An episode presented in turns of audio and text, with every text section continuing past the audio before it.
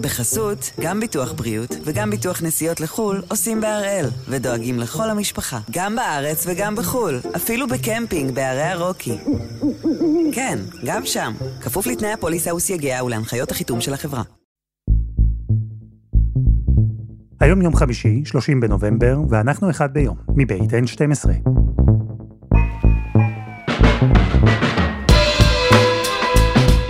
אני אלעד שמחיוף ואנחנו כאן כדי להבין טוב יותר מה קורה סביבנו, סיפור אחד ביום, בכל יום.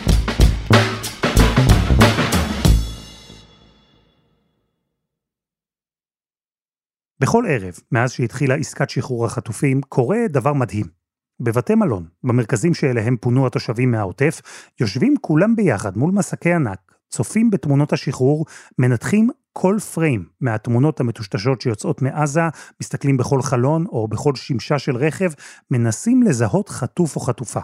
ואז, כשזה מצליח, כולם מוחאים כפיים.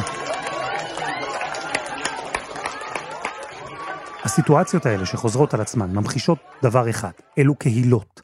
רבים מהמקומות שהפכו ב-7 באוקטובר למטרה, ורבים מהאנשים שנרצחו או נחטפו, היו חברים בקהילות. כאלה שבהן כולם מכירים את כולם, כולם גדלו ביחד, אכלו ביחד, רבו ביחד, בילו ביחד, חיו ביחד. ומצד אחד, אין ספק, קהילה זה כוח, כוח שאפשר לרתום לשיקום אחרי הטראומה, אבל קהילה היא גם דבר מורכב ושברירי, בטח במצבים כאלה, כשהקהילה נעקרה מהבית שלה, כשחלק מהחברים שלה עדיין אינם, כשהיא צריכה עכשיו לקבל החלטות קשות לגבי העתיד שלה. אז ביום ה-55 של מלחמת אוקטובר 23, אנחנו עם גילי מולכו, המזכיר של קיבוץ בארי, על איך ואם אפשר יהיה לשקם את הקהילות שנפגעו בצורה אכזרית וקשה כל כך ב-7 באוקטובר, וחיות את הסיוט הזה מאז.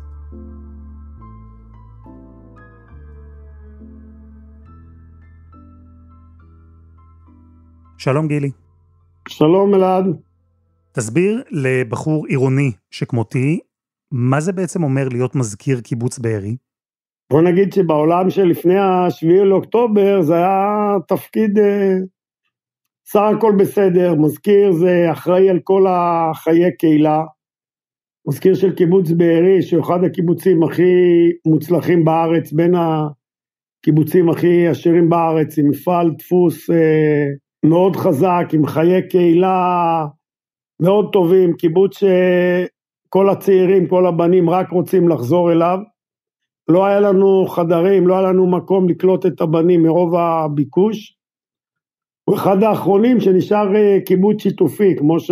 מה שנקרא, כמו שאומרים פעם.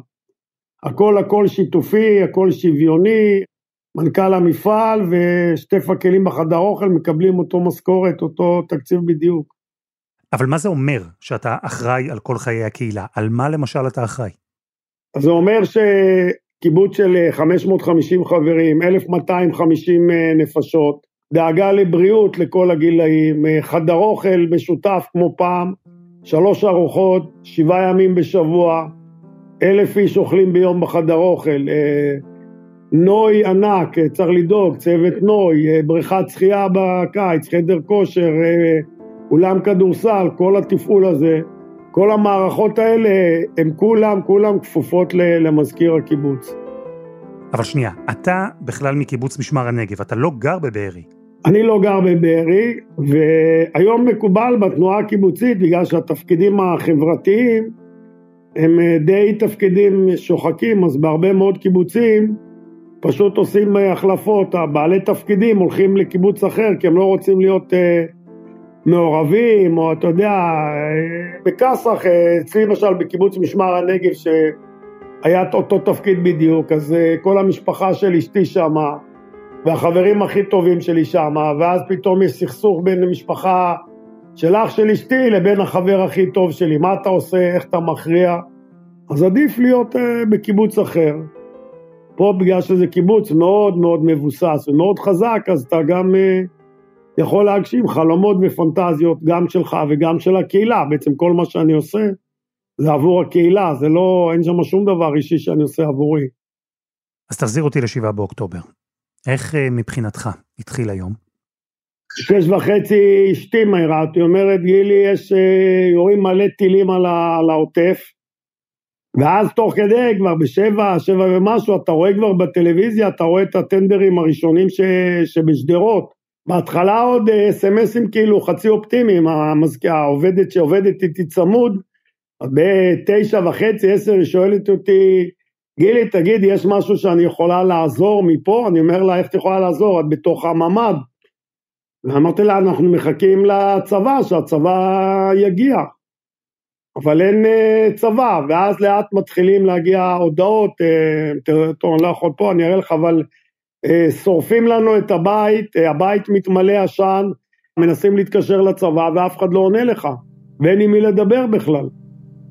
ו- ועוברות השעות, ואז ההודעות מתחילות להיות בקצב הרבה יותר גדול, שורפים לנו את הבית, הרגו את זה, ירו, ו- ואת כל זה אתה שומע דרך הוואטסאפים, אפילו לא טלפונים, הכל עכשיו, בתור זמן גם יש איזה חמש, שש, שבע קבוצות וואטסאפים שונות בבארי, יש קבוצת האימהות, וקבוצת אה, הצחי, וקבוצת השכונה הזאתי, ויש לנו גם איזה מין מערכת של אה, הודעות אה, שנקראת מקומי, אתה יודע, החברים בכל מקום התחילו לשלוח הודעות ואומרים בואו להציל אותנו, יורים בנו, שורפים לנו את הבית, מתחילים להגיע שמות על פצועים, זה נפצע קשה בבית, חייבים להגיע להציל אותו, והכל הכל ככה מולך במסך הירוק של הוואטסאפ. אתה חסר אונים, אז מישהי אמרה לי בוא בוא ניסע לבארי, אמרתי לה מה ניסע לבארי? אי אפשר להיכנס, זה הכל תחת מתקפת טרור, עם אה, שלדג מטכ"ל חטפו שם הרוגים, אז מה אני יכול אה, אה, להגיע לשם? ואז אתה מבין, אתה צריך לנהל את הכל תוך כדי מלחמה, ואתה מרחוק, כאילו אין לך, אתה חסר אונים, אין לך מה, מה לעשות. אני אצלי בבית, זה ערב חג, כל המשפחה שלי הייתה שם, עם הנכדים, עם הילדים, כל כמה זמן היו איזה אזעקות, כולם נכנסים לממ"ד, קצת צוחקים כאילו, ואומרים איזה מסכנים החבר'ה בבארי, אתה עדיין לא מבין שזה הולך להיות משהו קטסטרופלי, אתה לא מבין שזה... שזה כמויות של אה, הרוגים ונרצחים וחטופים, אתה לא תופס את זה. ומתי בעצם התחילה עבודת השיקום, או אתה יודע מה, אני לא יודע אם אפשר לקרוא לזה בכלל עוד שיקום, מתי בעצם התחלתם לטפל באנשים ששרדו ונשארו בבארי? מ-10 בלילה עד 6 בבוקר, בעשרה אוטובוסים הובלנו 500 איש לבית מלון פה, מלון דיוויד בים המלח, איפה שאנחנו נמצאים היום. ולמחרת עוד המשיכו להוציא, מחרת הוצאנו עוד שניים שלושה אוטובוסים כי לא הצליחו לחלץ את כל האנשים בלילה הראשון. בתוך כל הבלגן הזה אתה צריך לנהל קהילה, זה נהלה, קהילה של אלף איש, היום יש לנו פה מלון עם אלף איש, כל המלון זה קיבוץ בארי, בכלל בימים הראשונים שהגענו פה, עוד היו פה תיירים, לא היה לנו מספיק חדרים, והיינו צריכים אה, לחכות שהתיירים יגמרו את החופשים שלהם. אז אתה הולך פה ומודיע לאנשים על הרוגים ומארגן הלוויות, ולידך מסתובבים תיירים עם חלוק, עם בגד ים, כל מיני דברים שאתה... קשה להבין אותם, כנראה רק במדינת ישראל יכולים לקרות דברים כאלה. אתה זוכר את הרגע שבו אה, אתה ואתם אולי התחלתם להבין את מימדי הזוועה בקיבוץ? אני זוכר שדיברתי עם הבת שלי יום, אותו יום אחרי זה, אמרתי לה, שלצערי נראה לי שיש נזק נורא גדול בבארי, שיהיה לנו איזה עשרה, חמש עשרה הרוגים ואיזה חמש עשרה חטופים. רק למחרת, או יומיים אחרי זה, ביום שני, מתקשר אליי חבר טוב שלי והוא אומר לי, גילי, אני במילואים, אני בצבא, והתפקיד שלי זה להוציא את הגופות בבארי. אני אומר לו, עופר, מה קורה? צלם לי. הוא אומר, גילי, אני לא מצלם לך, אתה לא רוצה לראות מה קורה פה. אני אומר לו, מה, מה קורה עופר? מה? הוא אומר, תשמע, בינתיים הוצאנו כבר קרוב ל-90 אה, גופות מפה של אה, חברי בארי. ואז אתה מבין את גודל האסון שקרה, ובאמת בסופו של דבר יש לנו, נכון להיום, 90 אה, הרוגים ועדיין 17 חטופים ו-12 חטופים ששוחררו שלשום. אה, והמספרים, אתה לא מאמין, זה עשרה אחוז מהאוכלוסייה של בארי שנפגעה. וכל יום, כל יום שאתה פה בבית מלון, ויש לנו איזה מין מנהג כזה שעכשיו אתם קצת מקלקלים לי אותו, אני עוד מעט צריך לצאת החוצה, יושבים במרפסת ומעשנים שם סיגריה, ואז כל יום אתה שומע איזה מישהו אחר והוא מספר לך את הסיפור ואת הסיוט ואת סרט האימה שהוא עבר, וזה פשוט לא יאומן, באמת, כשאתה שומע את הסיפורים, יש לנו משפחה פה שרצחו את האבא עם התינוקת בת תשעה חודשים מול העיניים של האימא ושתי האחיות שלה, או שני האחים.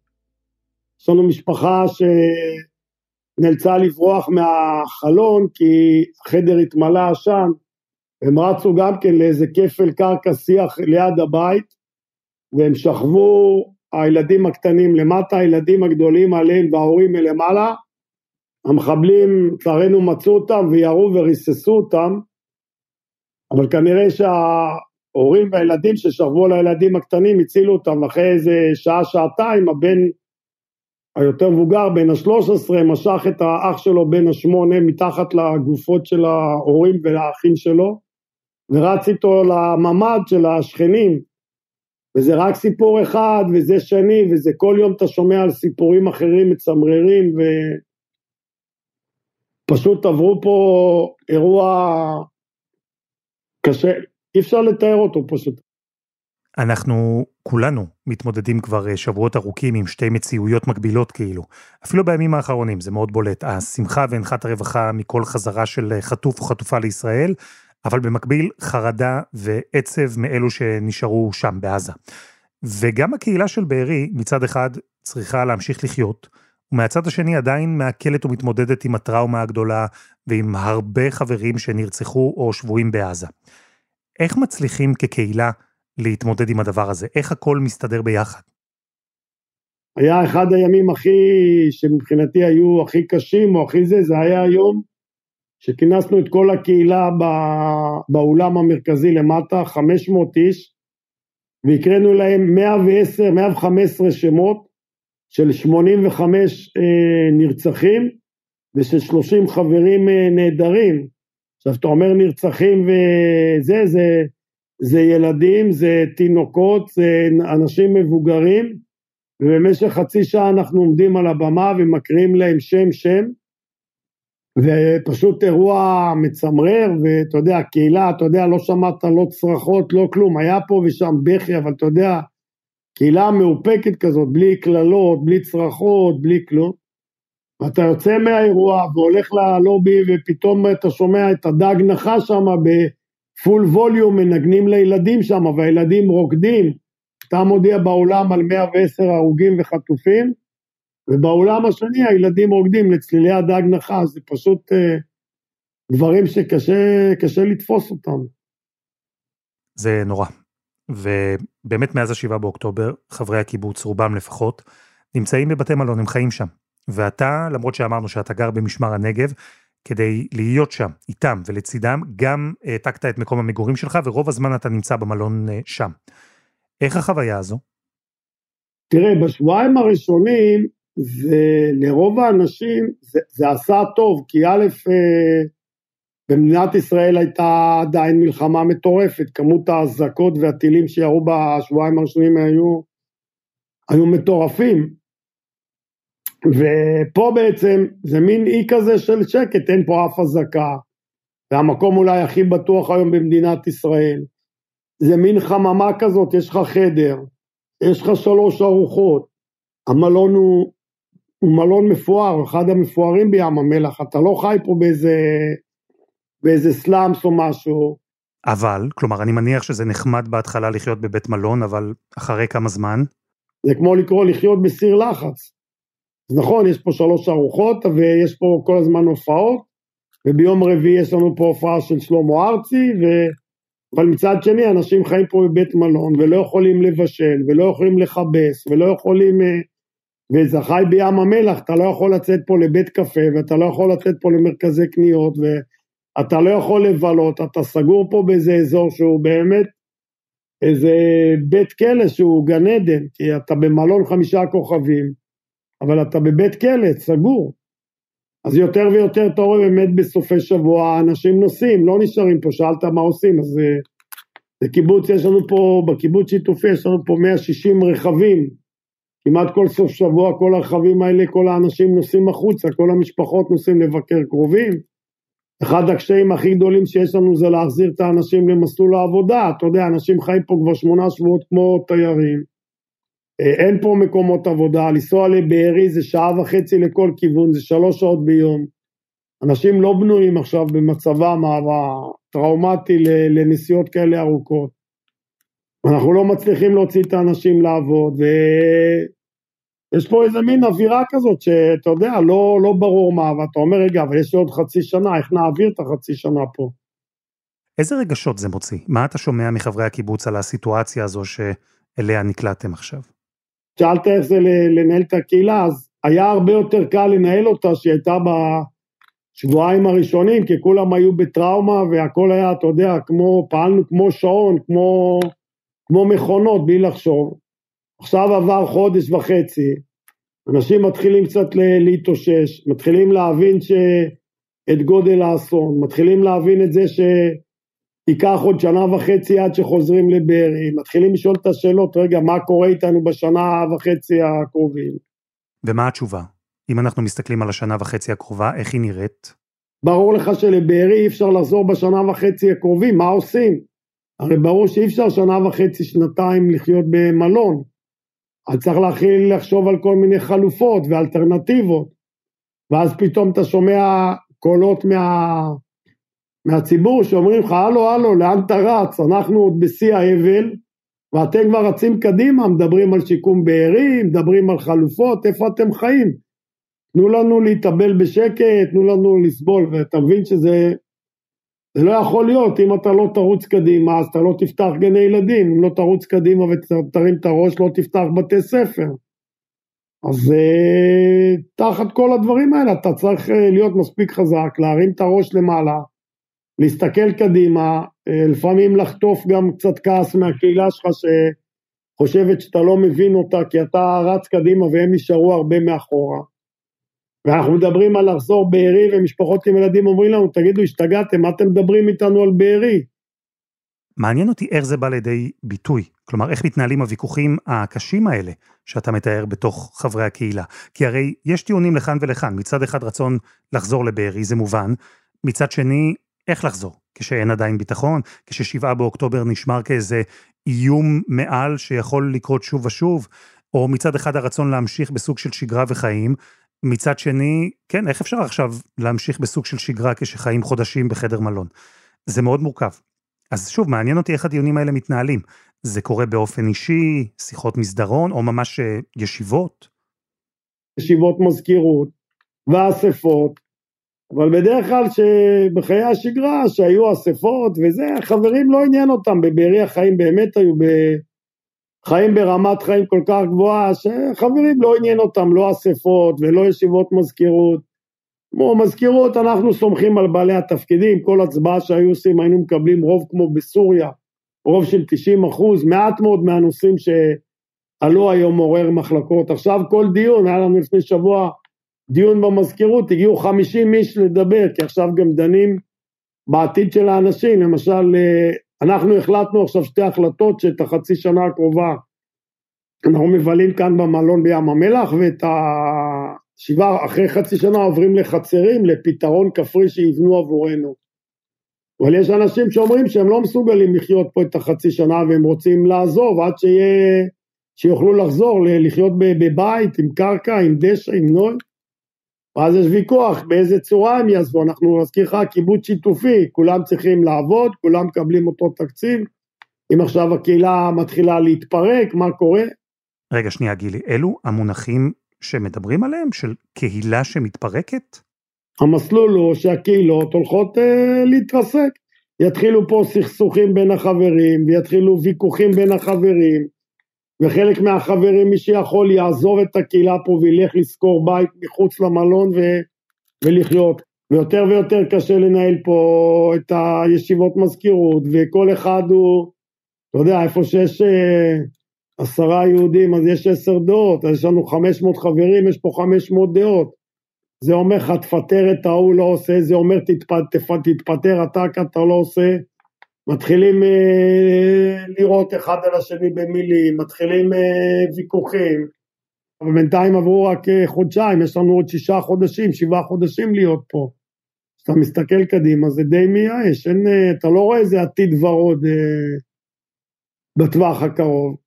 זה נורא, מה שאתה אומר, זה גם מאוד עצוב, שהמציאות הזו שעקרה את קהילת בארי וקהילות אחרות מהבתים, והארעיות הזו שאתם חיים אותה עכשיו, שהיא באמת קשה מנשוא, אתה מדבר במונחים שכל זה יפרק את הקהילה, יפרק את בארי במידה מסוימת.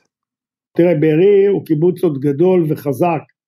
הוא גם מהווה איזה סמל פה לכל הזה, והוא, למרות כל מה שאני אומר לך, הוא הקיבוץ המוביל, זה קיבוץ ששבוע אחרי תחילת המלחמה כבר פתח את המפעל שלו לעבוד. אני למשל אתמול כל היום עבודה שלי כבר עשיתי מבארי. אני החלטתי שלפחות פעם, פעמיים בשבוע אני כבר, במקום לבוא לים המלח, אני נוסע לעבוד מבארי. זאת אומרת, בארי כן משדר איזשהו משהו שהוא חזק, שהוא מתקדם, החברים הוותיקים של בארי רק מחכים שיכריזו על אה, בארי כשטח אה, לא צבאי סגור, אלא שטח פתוח, ולדעתי באותו יום שמכריזים שבארי הוא שטח אה, צבאי משוחרר, מה שנקרא, 30-40 משפחות מבארי חוזרות מיד לגור בבארי. אז מה עושים עכשיו בעצם? כי למיטב הבנתי, התכנון הוא לחיות, כמו שאמרת, חצי שנה בערך בבית מלון, ואחר כך מדברים על מעבר של כל קהילת בארי לחצרים. איך זה אמור לקרות? איך הרעיון הזה בכלל נולד?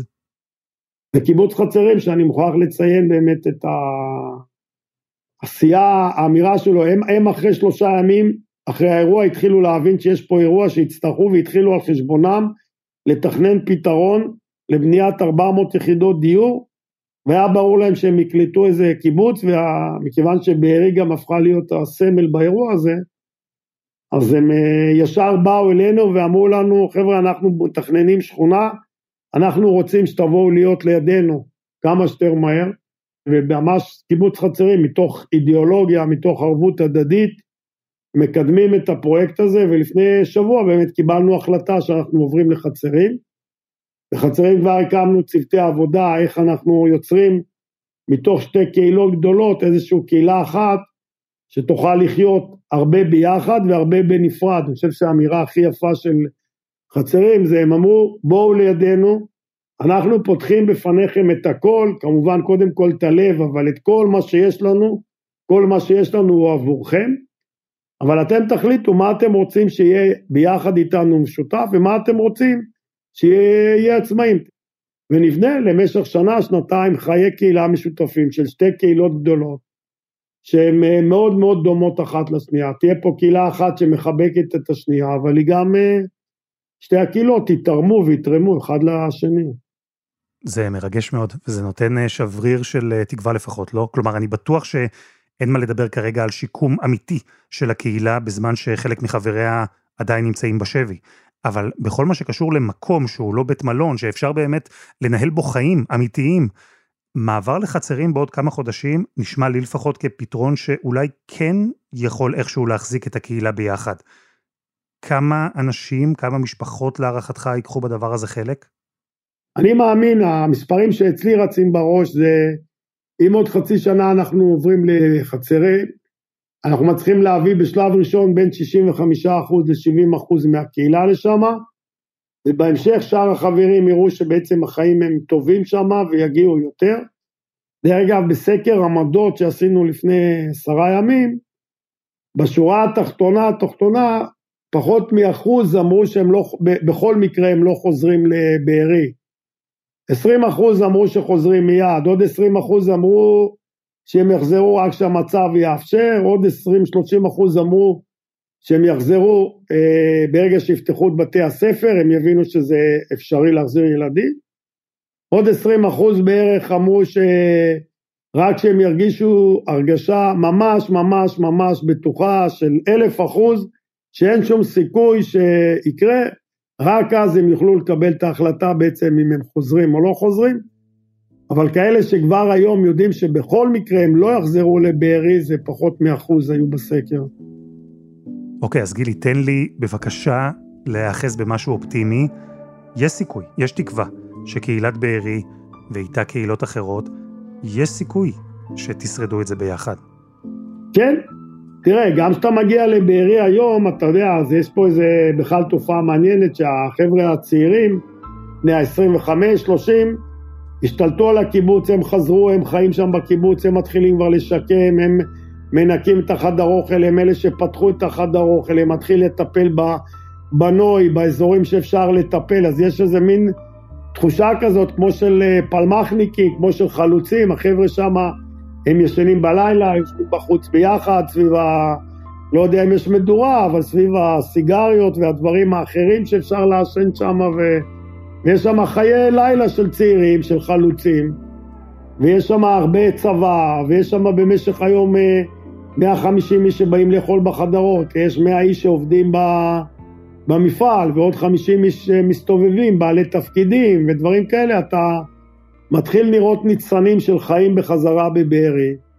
ואני מבין שמאמין, עוד פעם, זה הכל גם תלוי, אתה יודע, במה יהיה תוצאות המלחמה, כי אם עכשיו, חס וחלילה, הפסקת האש הזאת תיתקע במקום שנמצאת ולא ייתנו לנו להמשיך, אז אני לא אופטימי בכלל, אף משפחה עם ילדים לא תחזור לבארי, הוא מרכז האגדה שלנו שנקטעה לו הרגל ואיבד את אשתו ואת הבן שלו, אמר אני מבחינתי רוצה לגדל בוטנים מבארי ועד חוף הים של עזה.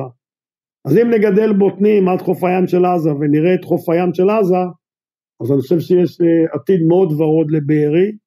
כל סיטואציה אחרת של אה, פתרון אה, צבאי ביטחוני לא, לא ברור ולא גמור, העתיד של בארי ובכלל של כל יישובי הזה הוא, הוא יהיה לוט בערפל. אז זהו, שאני רוצה לשאול אותך רגע משהו על העתיד שלך בהקשר לבארי.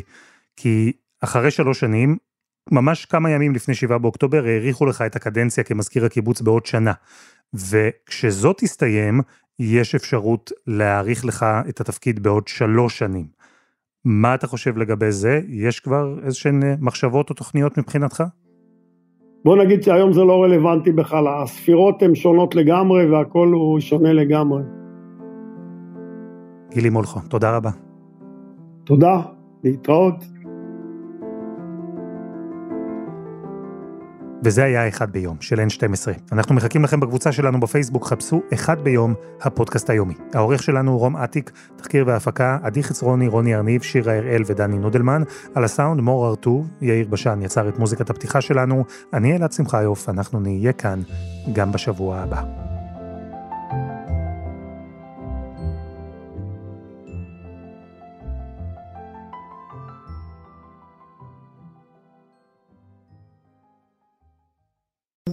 בחסות, גם ביטוח בריאות וגם ביטוח נסיעות לחו"ל עושים בהראל, ודואגים לכל המשפחה, גם בארץ וגם בחו"ל, אפילו בקמפינג בערי הרוקי. כן, גם שם, כפוף לתנאי הפוליסה וסייגיה ולהנחיות החיתום של החברה.